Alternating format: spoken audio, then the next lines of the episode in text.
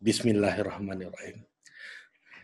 Assalamualaikum warahmatullahi wabarakatuh. Jumpa lagi sama gua Ari Putra di Total Politik. Kita nggak berhenti-berhenti membahas dunia-dunia politik. Nah, hari ini gua udah kedatangan seorang ya gua memanggil beliau ini Kiai gitu memanggil beliau Kiai karena dari beliaulah gua mendapatkan kasanah-kasanah keilmuan gitu. Dan kebetulan beliau ini cendikiawan muslim ya yang sedang hits dan memiliki pengaruh yang besar di di dalam komunitasnya gitu di dalam apa dunia pembahasan isu yang yang menjadi fokus beliau. Nah, kebetulan gue pertama kali bertemu beliau ini kira-kira sekitar lima atau enam tahun yang lalu.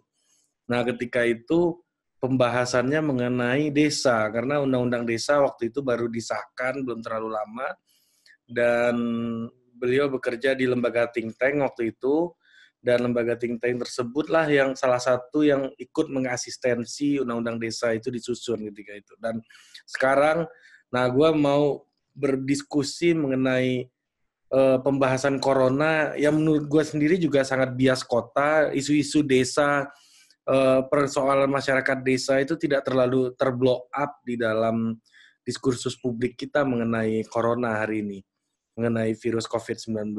Nah, langsung saja gue perkenalkan, Assalamualaikum Pak Kiai Abdul Rozaki. Waalaikumsalam warahmatullahi wabarakatuh.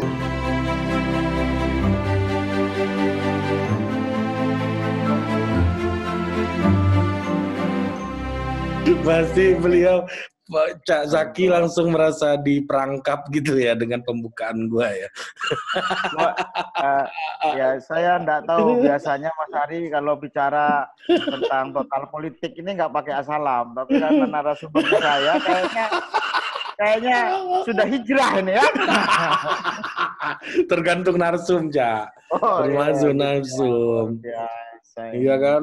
Jadi kalau narsum saya itu di bawah dirjennya itu uh, apa kementeriannya lewat dikti gitu, nah saya selamat halo aja.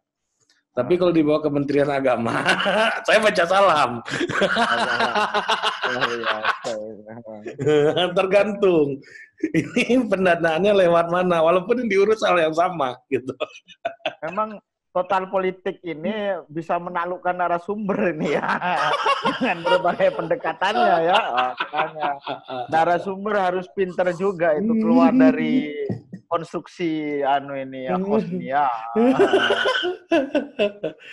Bagaimana cak mudik kemarin cak ya kita mengikuti anjuran pemerintah ya untuk tidak mudik ya, apalagi PNS itu ya uh, berisiko dipotong, berisiko, berisiko dipotong gajinya kan.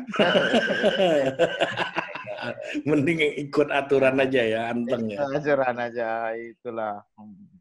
Nah gimana cak? Kalau di desa dari pembahasan hari ini itu benar nggak sih pendapat saya itu yang mengatakan bahwa uh, banyak orang juga yang bilang bahwa uh, isu COVID-19 ini cenderung bias kota gitu persoalan yang muncul itu persoalan kota karena dampaknya kan tentunya semua ya. organ kehidupan termasuk juga masyarakat desa. Ya, memang ada tiga fase kalau kita melihat uh, bagaimana isu COVID ini berkembang di tanah air ya. Hmm. Fase pertama itu adalah fase uh, bagaimana uh, fase pertama itu fase uh, pandemik ini berawal dari uh, peristiwa di Wuhan gitu ya, yang lalu kemudian pindah ke Indonesia melalui uh, mobilitas mobilitas elit sebenarnya ya kan hmm. muncul kasus di Bali dan juga muncul kasus di uh, di Depok. mana di apa Depok gitu ya. Hmm. Nah, lalu internasional menjadi isu nasional. Tapi menjelang uh, bulan puasa sebagaimana ritual besar di Indonesia yang selalu tiap menjelang apa uh, Idul Fitri itu muncul tradisi mudik. Nah, dari isu nasional, isu perkotaan itu kemudian berkembang corona ini menjadi isu pedesaan gitu ya. Uh, karena mobilitas masyarakat dari desa, dari kota ke desa itu kan juga uh, dengan sendirinya juga menjelaskan tentang mobilitas virus ini. Tapi menarik respon desa itu di banyak tempat itu relatif apa namanya relatif jauh lebih responsif gitu ya dibanding hmm. pemerintah itu sendiri gitu ya misalnya pemerintah ini kan cenderung menghindari kata lockdown atau karantina wilayah karena konsekuensi ekonomi dari karantina wilayah itu kan negara harus membiayai tidak hmm. hanya manusia tapi juga uh, binatang atau ternak gitu ya lalu muncul istilah uh, apa PSBB kan? PSBB. Uh, untuk menghindari istilah karantina wilayah atau lockdown. Tetapi memas satu minggu menjelang uh, uh, Ramadan itu hampir semua wilayah itu di kampung itu menggunakan pendekatan lockdown atau karantina wilayah sebenarnya. Yang saya sebut itu siasat budaya rakyat ketika melihat pemerintah ini uh, tidak jelas bagaimana Eh, tidak jelas dalam arti tidak memiliki satu kata antara pemerintah pusat tentang pemerintah daerah pendekatan dalam uh, mengontrol gitu ya pergerakan COVID ini antar wilayah satu ke wilayah yang lain gitu. Nah. Ya itu juga termasuk dengan munculnya inovasi-inovasi di desa yang masukin ke rumah angker segala macam waktu itu kan ya. Ya. ya. Jadi memang ada kesan waktu itu bahwa uh, ibu kota ini itu nggak kuat lagi itu menahan uh, beban dari uh, populasi keluargaannya gitu. Karena itu kemudian uh, ibu kota ini menarik batas yang tegas itu, ya mana penduduk pendatang dan mana penduduk uh, asli gitu pada akhirnya kan. Ya asli itu dalam arti berKTP sebenarnya gitu. Karena BLT itu kan juga basisnya KTP. apa namanya KTP gitu loh. Jadi ketika negara apa mendorong pemberlakuan apa uh, uh, sosial berskala besar itu kan sebenarnya orang diajak untuk masuk ke rumah gitu ya lalu yang kelas menengah elit itu uh, apa namanya bekerja dari rumah gitu ya artinya memanfaatkan tabungannya gitu ya untuk memenuhi kebutuhannya sementara yang kelas menengah ke bawah Nah, kan tidak punya tabungan nih, negara masuk menggunakan pendekatan BLT. Di situ saya melihat negara menggunakan pendekatan formal gitu ya. Nah, ketika Anda tidak lagi berKTP di kota besar ini, maka Anda harus Anda harus keluar kan kira-kira. Ya, Anda harus keluar Jakarta karena pekerjaan di Jakarta juga uh, sudah pabrik-pabrik itu industri sudah off gitu ya. Hmm, hmm. Nah, nah, luar biasanya ketika masyarakat itu mau melakukan mobilitas uh, mudik ke desa, ternyata nggak sederhana gitu ya. Ternyata nggak sederhana. Ada banyak kerumitan gitu ya. Nah, karena kemudian eh, daerah dan juga desa itu juga melakukan apa namanya pendekatan isolasi wilayah juga gitu, pendekatan isolasi wilayah gitu. Karena itu tadi eh, apa namanya lockdown lokal itu saya melihat lockdown lokal itu kan eh, desa itu betul-betul melakukan konsolidasi internal dan akhirnya juga membuat batas yang ketat mana wilayah asli dan juga akhirnya mana wilayah pendatang. Ini sebenarnya mengerikan ini kalau terus-menerus pendekatan seperti itu, itu bukan sekedar isu kesehatan yang muncul, tapi juga isu sosial ya, ya konflik misalnya. Yang paling terasa ini juga di desa otoritas keagamaan itu bertarung dengan otoritas wilayah. Apakah ya eh, sholat apa eh, sholat di masjid itu tetap dilakukan atau tidak? Apakah eh, terawih itu harus dilakukan atau tidak? Apakah sholat itu harus dilakukan di dalam rumah atau di masjid misalnya. Itu terjadi kontestasi yang luar biasa antara otoritas keagamaan dengan otoritas kewilayahan gitu. Jadi justru menurut saya corona di desa itu pertarungannya jauh lebih susah. Ya, kalau orang kota kan mungkin jarang sholat jemaah di masjid gitu ya karena sibuk gitu ya. iya kan ya. Justru rajin ya. Rajin ya. Nah, hmm. orang desa ini kan komunal ya. Jadi hmm. ruang sosialnya tuh begitu luar biasa itu. Sholat di masjid itu kan juga Bukan orangnya mungkin mungkin kalau di desa sholat di masjidnya orangnya udah pada kenal semua mungkin ya satu ah, sama gitu lain ya. pada kenal semua kalau di kota kan ya ada tapi crowd crowd bukan crowd, community ya. gitu ya. karena orangnya tapi, rame aja ah, justru karena orangnya banyak saling kenal hmm. ketika kemudian lockdown lokal lockdown kampung itu dilakukan itu nggak sederhana di situ terjadi pertarungan yang keras antara otoritas keagamaan dengan otoritas wilayah, ya kan? Nah, ya kalau otoritas wilayah, otoritas birokrasi itu lebih kuat dibanding otoritas keagamaan, maka dia akan akan akan mengikuti ya standar kesehatan pemerintah. Hmm. Tapi kalau otoritas uh, agama itu lebih kuat, maka birokrasi itu bisa kalah. Kita lihat misalnya di Jogja ini otoritas wilayah itu lebih kuat dibanding otoritas keagamaan. Tapi di wilayah Jawa Timur, ya otoritas iya, keagamaan ya, benar, benar, di beberapa benar, titik itu lebih menonjol iya. dibandingkan ya. dengan otoritas wilayah. Ya kita lihat kasus di Pasuruan ya, hmm. ya ketika salah seorang habaib itu melanggar PSBB, sempat tengkar gitu ya. dengan aparat viral pemerintah dan viral, ya ha, satu hari berikutnya mestinya pemerintah yang memenangkan sebuah pertarungan itu, tapi aparat pemerintah yang lalu suan sungkem tanan ke salah seorang iya, Nah ini kan sebenarnya yeah. menunjukkan bahwa otoritas keagamaan itu jauh lebih kuat dibandingkan otoritas wilayah. Yeah. Nah, saya tidak tahu apakah ini uh, peristiwa kecil itu bisa menjelaskan. Ini gejala nasional sih, Cak. Ya. Cak, saya itu per, uh, di Sumatera Barat, ya kebetulan Cak Zaki tadi habis silaturahim ya. sama orang kampung saya gitu ya. Hmm. Ada seorang ulama itu saya nggak hmm. usah sebutkan namanya di sini.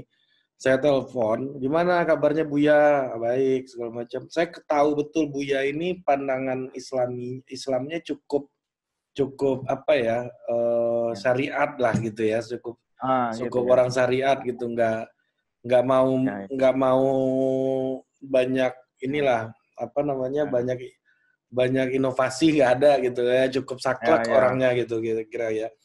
Dia bilang gini, dia kebetulan uh, petinggi MUI gitu dia bilang gini hmm.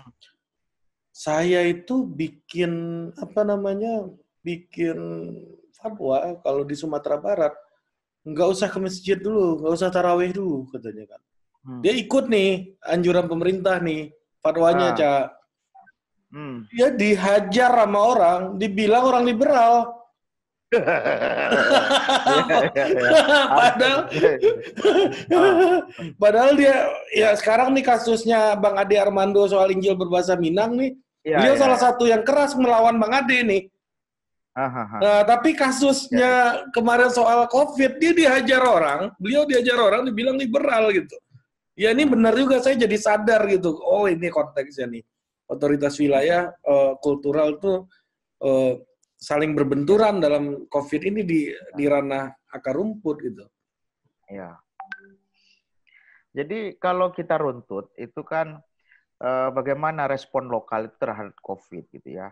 Jadi res lokal itu dalam konteks tertentu jauh lebih apa namanya lebih cepat sebenarnya dalam merespon eh, bahaya COVID ini. Kita lihat misalnya kalau pemerintah itu kita bagi pendekatan fasenya itu menjadi tiga fase awal ketika COVID itu muncul gitu. Respon pemerintah ini kan satire gitu. Satire elit itu kan iya. melihat dari Menteri Kesehatan misalnya. Yeah. Nah ini nanti sembuh dengan sendirinya, hmm. ya kan? Hmm. Nah ini penyakit ini kan dari iya. Wuhan, Cina gitu. Masuk ke Indonesia kan birokrasinya belit-belit. ya. Nah gitu. Ini satire awal kan. Nasi kucing. Ada orang yang mengatakan, ya, nasi kucing. Seandainya menteri, salah satu menteri di kabinet itu nggak kena COVID, mungkin pemerintah itu nggak sadar gitu, ya kan? Ya kan? Nggak sadar bahwa akan bahaya itu. Nah, penetapan status bencana itu setelah salah satu menteri diumumkan secara resmi itu terkena COVID gitu, COVID-19 itu. Baru mulai. Nah, fase yang kedua, pemerintah ngajak perang nih dengan COVID gitu loh. Kan seperti itu. Hmm. Tapi ketika sudah, wah kita lawan COVID gitu loh. Eh, ternyata mereka dihadapkan oleh aspirasi sejumlah pengusaha. Ya, kalau Anda mengurus kesehatan, tidak bisa terus menutup ruang gerak ekonomi, ini bahaya loh ya. Ini bisa isu sosial meledak. Eh, di, di, diajak kita berdamai dengan COVID. Tuh. Nah, hmm. ya kan? Yang ketiga ini kan terjadi kontestasi otoritas di level pemerintahan sendiri, pemerintah pusat dengan pemerintah daerah kan itu. Lalu rakyat melihat tiga konteks ini lalu mengamankan dirinya sendiri kan? Ya. Ada lockdown lokal itu. Iya kan? Kenapa? Karena hmm. dianggap ini berisiko terlalu mengikut negara gitu ya. Kenapa? Karena banyak disinformasi ya tentang disinformasi ini banyak masuk ke rakyat tentang COVID itu sendiri. Ya, ini penyakit sejenis apa dan bagaimana cara menangkalnya. Kan kemudian masih banyak misteri gitu. Hmm. Misalnya sekarang itu ya, sebenarnya yang mati karena COVID murni itu berapa persen dibandingkan ya meninggal ya karena COVID itu hanya trigger saja gitu loh dari hmm. penyakit bawaan sebelumnya. Ya sampai sekarang masyarakat tidak pernah memperoleh informasi itu. Jadi kalau masyarakat tuh kadang sudah nggak tahan ingin keluar rumah, itu karena hmm. masyarakat selama ini itu tidak memperoleh hak informasi yang clear dari otoritas pemegang otoritas sekarang. Gitu. Benar, benar, benar. Ya. Dan nggak punya Makanya ukuran rakyat, juga. Ya, nggak punya ukuran. Makanya rakyat, yang muncul akhirnya stigma kan. Hmm. Misalnya, isu-isu corona di rakyat itu. Pemerintah menganjurkan rapid test gitu ya. Tapi informasi tentang rapid test itu simpang siur. Rapid test itu apakah sebenarnya hasilnya memastikan bahwa masyarakat rakyat apa warga yang ikut rapid test itu betul-betul apa Bisa. tidak terkena virus atau kemudian ketika dia melakukan rapid test dia reaksi negatif tapi sebenarnya imunnya dia yang mengalahkan virus itu tapi virus itu tetap ada di tubuhnya Kan misteri juga ini Ria. ya, ya misteri kan? ya, misteri. Nah, akhirnya apa? Ketika rakyat ikut rapid test, rakyat itu dapat stigma. Misalnya contoh, ya di kampung itu hmm. ada orang ikut rapid test gitu. Hmm. Kemudian dinyatakan positif. Loh, tiba-tiba rumah sakit itu koordinasi dengan desa, lalu desa menjemput warga itu. Ya kan? Berikutnya ternyata bukan negatif, bukan positif, tapi negatif. Nah, ini kan mengerikan. Ya. Jadi kalau Anda ikut rapid test, maknanya Anda akan menjadi uh, akan akan mengalami konstruksi stigma yang luar biasa gitu. Makanya rakyat waduh, ya sudah tidak tidak responsif sebenarnya dengan ajakan rapid test. Gitu loh. Nah, belum-belum sekarang ini rapid test itu kan menjadi bisnis gitu ya. Hmm, hmm. Sekarang banyak apa namanya eh, klinik-klinik swasta gitu ya, ya, ya apa menjajakan rapid test itu yang harganya sampai 400, 500 gitu loh. Jadi kalau orang mau bepergian harus melakukan rapid test dan jangka waktu rapid test itu tujuh hari gitu misalnya. Lah ini kan luar biasa menurut saya. Ya sekarang berjalannya ke bisnis. Nah ini yang kemudian membuat rakyat di desa itu virus ini bukan sekedar memperlemah daya imun masyarakat gitu ya dari sisi kesehatan, tapi juga bisa uh, ya juga bisa membunuh secara ekonomi, tapi juga bisa membunuh secara sosial. Yang yang mengerikan di situ. Nah orang desa harus menghadapi tiga lapis virus ini. Satu virus corona yang konteksnya itu masalah kesehatan. Yang kedua karena virus ini mengajak semua unsur masyarakat uh, apa bekerja dari rumah ya ya pemerintah itu GR juga dikira rakyat juga punya rumah semua kan gitu loh ya kan stay at home ya, gitu. ya, ya, ya orang, kan? orang belum tentu ya, punya kan? rumah ya, kan?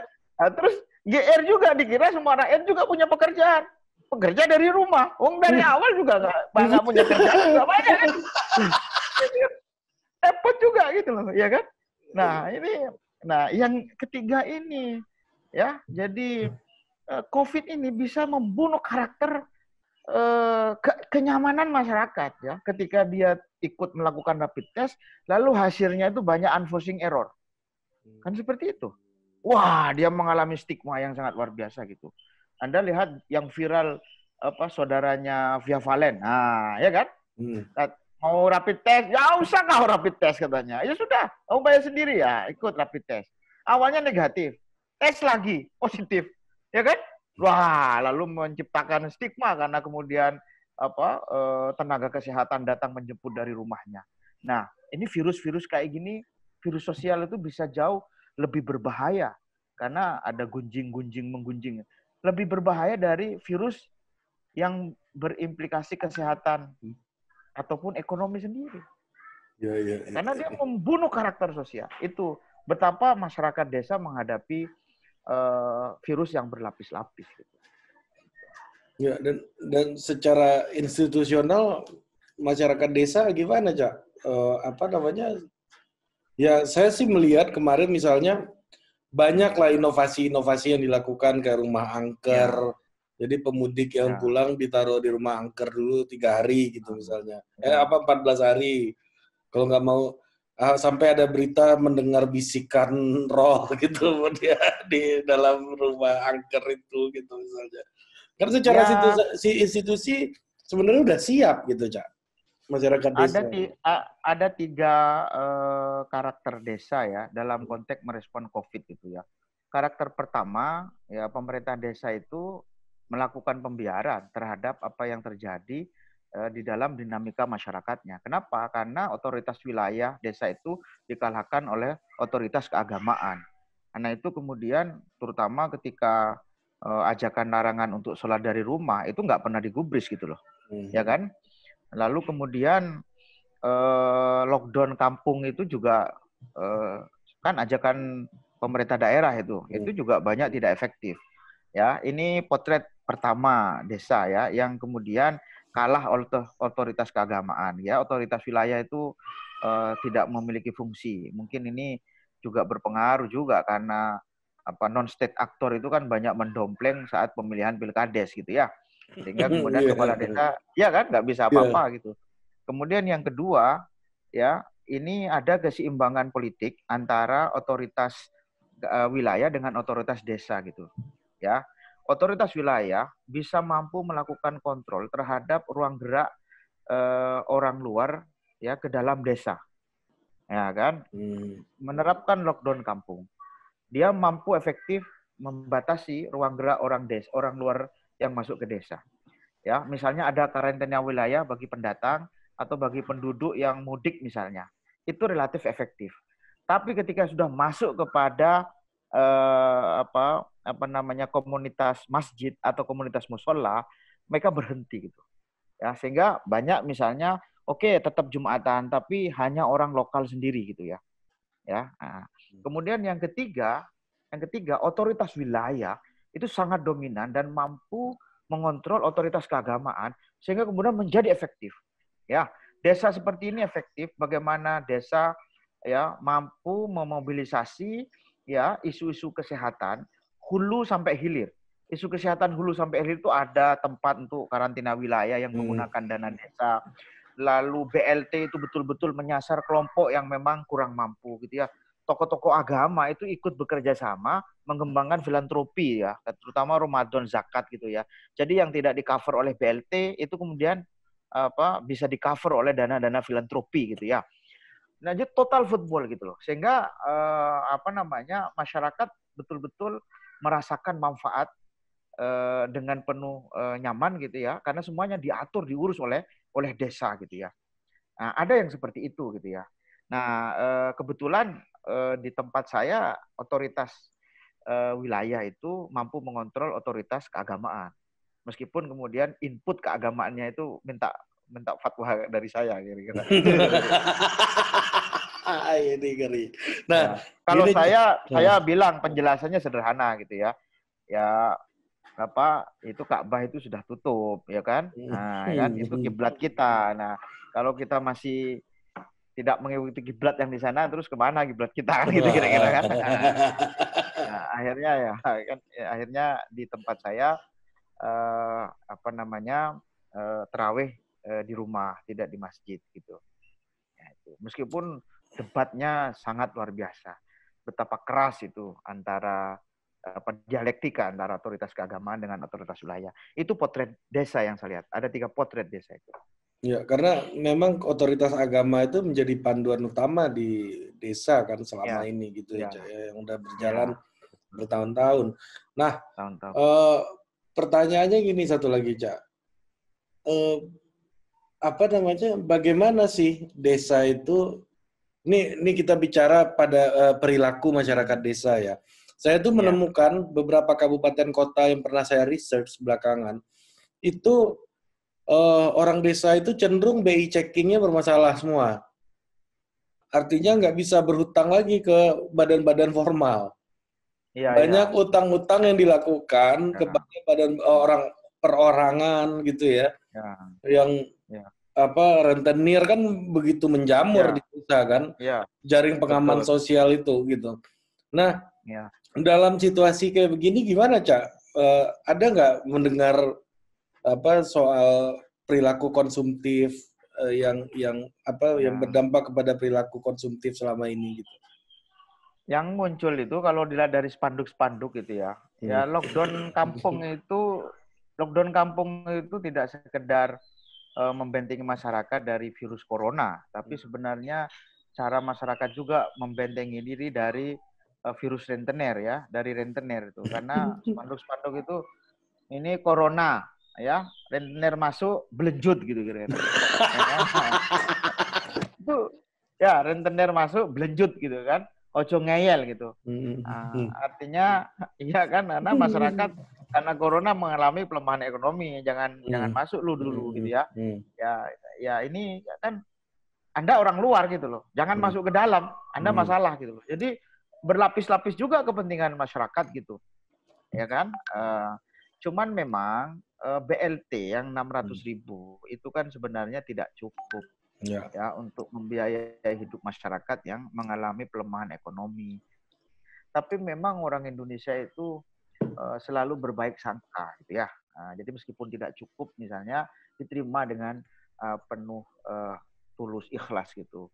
Nah karena itu bagaimana cara masyarakat menghidupi lockdown ini kan hampir tiga uh, bulan kan ya. Hmm. Di sinilah kemudian saya melihat gerakan-gerakan filantropi itu bekerja, ya orang-orang yang selama ini berkecukupan, ya itu ternyata secara diam-diam itu membantu sembako ya kepada masyarakat yang kurang mampu gitu loh. Jadi sebenarnya masyarakat itu ditolong oleh kekuatan di dalam masyarakat sendiri gitu. Dan itu senyap. Makanya kemudian ada gerakan juga di kampung gitu ya. Eh, apa namanya eh, sayur gratis. Silakan Anda ambil secukupnya misalnya. Nah ini kearifan-kearifan lokal bekerja, modal-modal sosial yang yang bekerja gitu loh. Tan itu menurut saya yang masih menghidupkan keindonesiaan kita. Kenapa kita masih bisa bertahan sejauh ini meskipun tingkat kedisiplinan itu relatif kurang sebenarnya. Beda dengan Amerika. Ya ini kan menarik ya. Ada pertanyaan, kenapa Indonesia dibanding Amerika itu korbannya lebih banyak Amerika? Ya kan? Ya karena di Amerika ini ruang sosial dalam berkomunitas itu sudah patah ya oleh liberalisme ekonomi, oleh modernisme gitu loh. Nah, sementara di Indonesia meskipun kapitalisasi itu bekerja sangat total, football istilahnya gitu ya, tapi masyarakat tuh masih memiliki siasat budaya untuk saling mengembangkan modal-modal sosial mereka gitu. Nah, karena itu ruang apa istilahnya ruang sosial mereka itu belum hancur betul ya kebersamaan sosial mereka itu belum hancur betul dan ketika suasana krisis itu muncul ini bekerja kembali. Gitu. Nah, ini kan menurut saya kekuatan kita. Ini ini banyak akan banyak perubahan perilaku tentunya, Cak. Misalnya kayak ya. Spanish flu kalau di Amerika itu kan Spanish flu ya. itu uh, anak kalau kita sakit-sakit dikit di sini, ya udahlah berangkat aja lah sekolah kata orang orang tua kita waktu kecil ah, kan. Iya, iya. Kalau di sana enggak, sakit lu istirahat. Bukan karena lu nya, tapi bisa nular ke kawan-kawan lu karena hmm. bapak kakek ibu, ibu dulu kena Spanish flu gitu kan. Ini kena Spanish yeah, flu yeah. gitu kan. Jadi mereka belajar menjadi uh, hmm. apa? menjadi lebih adaptif gitu ya. Karena kan yeah. kalau ya. kita bilang ini kondisi normal, turun hmm. gara-gara shock, bisa balik normal lagi tapi jarang. Tapi ada yang di bawah normal dikit atau malah lebih adaptif gitu kayak 9/11 tahu-tahu hmm. habis uh, eh, 9/11 bandara lebih ketat penjagaannya, semuanya lebih dikontrol, lebih teratur, ya. lebih baik. Kira-kira ya. dengan situasi kayak begini pasti akan ada perubahan di masyarakat desa. Nah, ya. kalau Cak Zaki melihat apa yang akan menjadi lebih adaptif, ya, apa yang akan kembali ke kondisi normal dan apa yang lebih turun lagi daripada situasi normal melihat situasi hari ini. Iya, iya. Sebelum menjawab itu ini kan menarik ya. Dulu kaum futurolog itu membuat banyak buku ya hmm. tentang ledakan-ledakan kemajuan teknologi di abad hmm. 21 gitu ya. Hmm. Ternyata corona meledek itu semua itu. Ya. Kenapa? Ya, karena yang paling tren itu bukan teman-teman teknologi yang canggih di abad 21 hmm. ini gitu ya, hmm. tapi ajakan kembali cuci tangan gitu ya.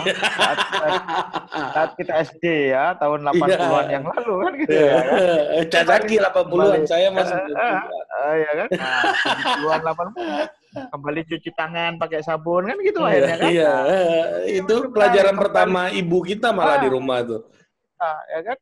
Nah, jadi memang uh, ada banyak yang berubah dan perlu uh, apa situasi ada apa situasi kembali apa perlu tafsir baru gitu ya terutama dalam isu keagamaan ini menurut saya COVID-19 ini menciptakan disrupsi ya keberagamaan hmm. contoh misalnya begini ya kalau kita sholat gitu ya sholat itu kan harus rapat safnya itu hmm. ya karena kalau saf itu nggak rapat, nah itu diisi setan. lewat, ya, setan nah, diisi. Nah, nah, nah, COVID ini mengajarkan tuh membuat jarak kan. Uh. Nah, lah kalau kita sholat gitu, buat jarak 2 meter 2 meter itu. Ya banyak saf yang kosong. Ini hmm. jangan-jangan lebih banyak, ini mohon maaf, ini hanya anu Ibu Yon. Lebih banyak setan yang sholat dibanding yang orang yang sholat, jangan-jangan. Ya. Gitu, gitu, Nah, artinya, artinya kan perlu tafsir keagamaan baru. Bagaimana hmm. makna ya, menjelaskan ya, ya. situasi ini gitu ya. Ini ini yang disebut disrupsi keagamaan ya. Kemudian eh, yang lain juga kita itu punya tradisi berjabat tangan gitu. Karena tangan itu bisa melenturkan kekerasan dada gitu secara kan begitu ya. Istilahnya ya? ini nih gua seneng. Ya? Nah, itu. Dari tangan tuh ada getar dada kan gitu tuh. Uh.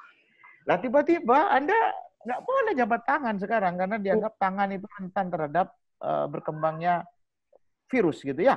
Nah, ya, sehingga uh. orang nah, bagaimana bisa menyesuaikan tafsir-tafsir keagamaan seperti itu.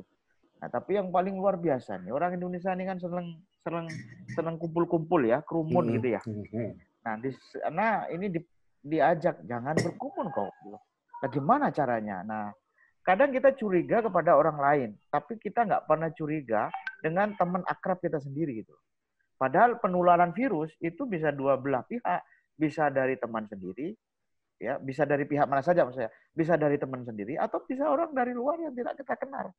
Nah biasanya kita itu tidak waspada dengan sesuatu yang sebenarnya dekat dalam diri kita, gitu.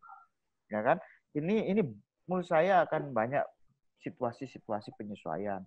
Meskipun kita berharap ya kalau virusnya ano apa namanya eh, apa namanya eh, penangkal virusnya muncul ya ya mungkin kita kembali ke dalam situasi yang yang lama.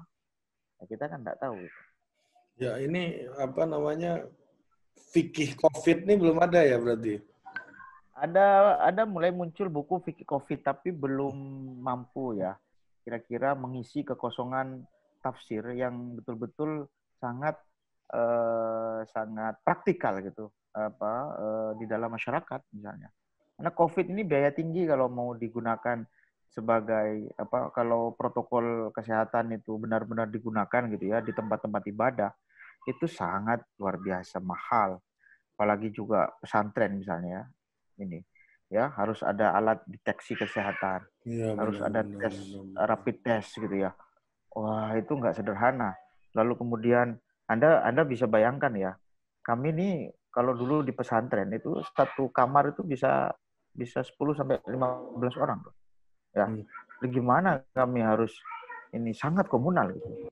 Kadang kalau tidur bukan hanya di ruang ruang ruang apa di kamar di asrama ya tapi juga di masjid di musola misalnya. Karena komunal ini gimana itu? Dari tradisi sosial yang sangat tinggi covid ini menarik menjadi sesuatu yang sangat personal. Mahal biayanya. Ini bukan sekedar merubah kebiasaan tapi me menciptakan gaya hidup yang pembiayaannya untuk memulai itu sangat mahal. Misalnya sekarang alat transportasi, oh itu swasta jerit kok. Ya. 50% saja penumpang itu dikurangi, itu jerit tuh. Nggak bisa ini, nggak dapat untung kita. Berentah berani nggak mensubsidi? Ya, biasanya bus itu empat-empatan, diajak 50% saja, enggak, masih berbahaya COVID ini kalau 50% misalnya. Ya kan? Nah, ya kalau gitu pemerintah bisa nggak mensubsidi apa namanya bus-bus eh, swasta itu. Nah, ini biaya yang sangat mahal. Ya, pemerintah ini punya uang nggak kita nggak tahu juga gitu ya, gitu Oke, Cak. Terima kasih, Cak, nah. udah bergabung dengan Total Politik. Oke. Dan ya. bagaimana sih, ini terakhir nih, gimana sih ya. Cak Zaki melihat uh, situasi desa dalam satu tahun ke depan dalam me me meredefinisi lagi fungsi-fungsi institusi di desa untuk ya. menghadapi COVID ini? Makanya sebenarnya undang-undang desa itu sebenarnya uh, memiliki uh, potensi untuk uh, mengembangkan desa sesuai dengan jati dirinya. Tapi kemarin uh, desa terlalu banyak diatur karena kemudian dana desa itu dipergunakan untuk BLT juga gitu loh. Sehingga kemudian uh, desa terpecah dalam membuat perencanaan-perencanaan sosialnya gitu. Mestinya bantuan langsung tunai itu tidak perlu diambil dari dana desa. Cukuplah satu pintu yang selama ini dilakukan oleh Kementerian Sosial misalnya Nah, tapi kan kemudian BLT ini terlalu uh, banyak yang menangani, termasuk apa namanya instruksi pemerintah desa untuk mengeluarkan BLT. Ini kan akhirnya dana yang terkumpul di desa untuk membuat perencanaan sosial ini kan apa namanya ya tidak bisa bergerak gitu loh ya meskipun ada juga desa yang melakukan siasat gitu ya ketika pendapatan asli desanya itu sejauh ini itu cukup tumbuh subur, mereka kemudian mampu melakukan pembiayaan-pembiayaan sosial di desa. Tetapi memang COVID ini tantangan bagi desa itu ada tiga dalam konteks eh, apa namanya pasca COVID itu nanti. Yang pertama, bagaimana eh, memulihkan ya eh, kerja-kerja sosial, ya ritual-ritual sosial dengan protokol kesehatan ya yang selama ini Eh, disesuaikan dengan standar pemerintah. Yang kedua, bagaimana memulihkan kembali sektor ekonomi yang hampir mengalami kelesuan selama COVID ini berlangsung. Banyak bumdes yang yang yang yang mandek itu. Ya, badan usaha milik desa banyak yang mandek gitu loh. Nah, yang ketiga sebenarnya bagaimana mendorong upaya-upaya proteksi sosial ya. Ya, upaya proteksi sosial di dalam masyarakat. Masyarakat yang memiliki kemampuan ekonomi menengah itu kan dengan sendirinya bisa bekerja gitu ya bisa beradaptasi dengan lingkungan baru. Tapi bagaimana kelas menengah ini itu dalam skema perencanaan sosial desa itu juga ikut membantu membuat apa yang disebut dengan eh, ekonomi eh, apa linkage ekonomi gitu ya. Eh, sehingga kemudian mereka yang kehilangan pekerjaan, mereka yang kehilangan produktivitas itu bisa disupport oleh kebersamaan antar warga dari ekonomi kelas menengah ya dengan mereka yang terutama berada di sektor informal. Ini tantangan desa. Desa harus memfasilitasi itu. Kenapa? Karena desa ini institusi sosial yang paling dekat. Kita terlalu jauh berharap kepada pemerintah. Contoh misalnya, pemerintah mendorong eh, masyarakat terlibat terhadap kartu prakerja. Tapi lapangan pekerjaannya nggak ada. Ini kan lelucon yang tidak lucu gitu loh. Lapangan pekerjaan nggak ada, tapi dianjurkan untuk terlibat dalam proses kartu prakerja gitu. Nah, jadi itu tantangan desa gitu. Karena itu menurut saya eh, karena dana desa itu nggak cukup tuh. Perlu ada kekuatan filantropi yang bisa dimasukkan, diinjeksi dalam perencanaan desa. Perlu ada solidaritas sosial dengan membangun keterlibatan kelas menengah di desa untuk ikut membantu menggerakkan sektor ekonomi di desa. Sehingga nanti muncul ekonomi kreatif yang menurut saya tidak harus berbasis BUMDes, ya, tetapi berbasis semangat kewargaan. Ini yang kita dorong. Dana desa harus dipakai untuk membangun tiga sektor ini. Ya, nah, itu nanti pelan-pelan desa itu punya uh, daya tahan eh, yang tangguh terhadap uh, COVID yang masih situasinya gelombangnya itu penuh dengan ketidakpastian, ya. Tetapi kemudian gerak ekonomi di desa, ya, itu kemudian terus tetap uh, bekerja dan kemudian kebersamaan sosial di desa ini kan daya imun yang kuat ya yang memperkuat daya imun di desa ini kan kebersamaan sosial nih hmm. hati-hati ya lockdown ini kan bukan sekedar menciptakan isolasi fisik tapi secara psikologis bisa menciptakan isolasi mental. Nah desa harus menerobos isolasi mental ini. Jangan sampai lockdown ini ya lockdown kampung gitu ya pembatasan sosial berskala besar itu menciptakan isolasi mental. Nah, desa harus menerobos itu sehingga punya daya imunitas yang kuat dari sisi kesehatan, ekonomi dan sosial. Nah, kalau ini bekerja di desa, kita berharaplah kaki-kaki Indonesia ini masih kuat menyangga ya bangsa yang besar ini. Cocok banget jadi menteri ini depannya. Jangan jadi komisaris, Cak. Jadi menteri aja kalian. Nah, sama ini satu lagi, ini terakhir banget nih. Ya.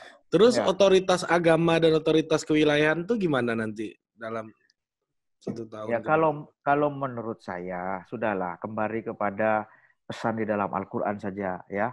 Atiullahu atiur rasul wa ulil amri, minkum. Ya, jadi percaya kepada Allah dan taat percaya apa? Atiullah taatlah kepada Allah dan Rasul dan ul amri dan kepada kepada pemerintah. Kenapa otoritas itu harus menyatu ke dalam pemerintah? Karena pemerintah ini yang punya uh, resources yang kaya. Dia punya resources uh, sumber daya manusia ya di sektor kesehatan gitu ya Uh, kemudian dia punya resources finansial, dia punya resources teknologi, ya alat-alat teknologi untuk mendetek peredaran penyakit ini, termasuk bagaimana menciptakan vaksin misalnya, ya. Dia punya alat yang lebih dibanding otoritas keagamaan. Nah karena itu menurut saya otoritas keagamaan itu harus mampu membackup otoritas pemerintah, sehingga kemudian otoritas yang tunggal itu bisa menggerakkan cara berpikir masyarakat itu penuh dengan kepastian bagaimana langkah di dalam mengatasi pandemi COVID ini, mengatasi isu sosial yang berkembang ya, dan juga mengatasi isu-isu psikologis lainnya. Gitu. Berarti kalau uh, pemerintah nggak bisa memberi kepastian ya susah juga kan membackupnya berarti. Ya, ya itu akhirnya kita kalau ulil amri itu mengalami krisis kepercayaan memang beresiko ya kan Ya apa nah, uh, ayat mana lagi yang nah, diacu ketika yang yang menyelamat ya yang yang menyelamatkan ya doa doa kita ya kan? Ya kan?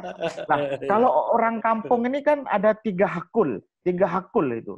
Hmm. ya pemerintah itu menangani covid mestinya menggunakan pendekatan hakul ilmi. Hmm. ya dia yakin dengan ilmu yang dimiliki, dengan data-data yang hmm. ada, dengan fakta-fakta yang ada, yang lalu itu dipakai sebagai sebuah kebi kebijakan. Rakyat punya keterbatasan kadang, ya kan? Nah, tapi kadang rakyat itu punya ainul yakin gitu. Yang satu apa, ilmu yakin, sorry, yang satu ilmu yakin. Kita menjadi yakin melakukan sesuatu karena ada ilmunya, tahu ilmunya gitu kira-kira. Hmm. Nah, pemerintah mestinya itu. Kalau rakyat mungkin ilmunya pas-pasan karena nggak punya akses terhadap data yang komplit gitu loh.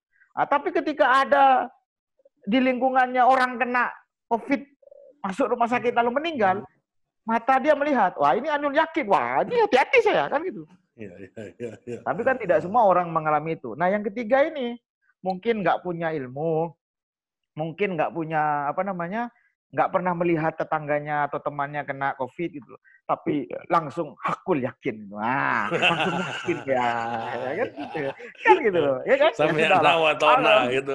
Ah ya sudah lah, itu bisa selamat juga itu kan gitu loh. Itulah. Oke, hmm. terima kasih Pak Kiai Abdul Rozaki sudah memberikan tausiahnya. Kalau tausiah ah, itu tausiah itu outputnya bukan ilmu, tapi ah, kebijaksanaan. Oh, Kalau ilmu bukan tausiah kayaknya. Itu versi gua ya. Ya, versi saya ya. Kalau versinya kajian kelompok kajiannya Pak Kiai saya nggak tahu nih. Oke, terima kasih Pak Kiai. Produced by Total Politik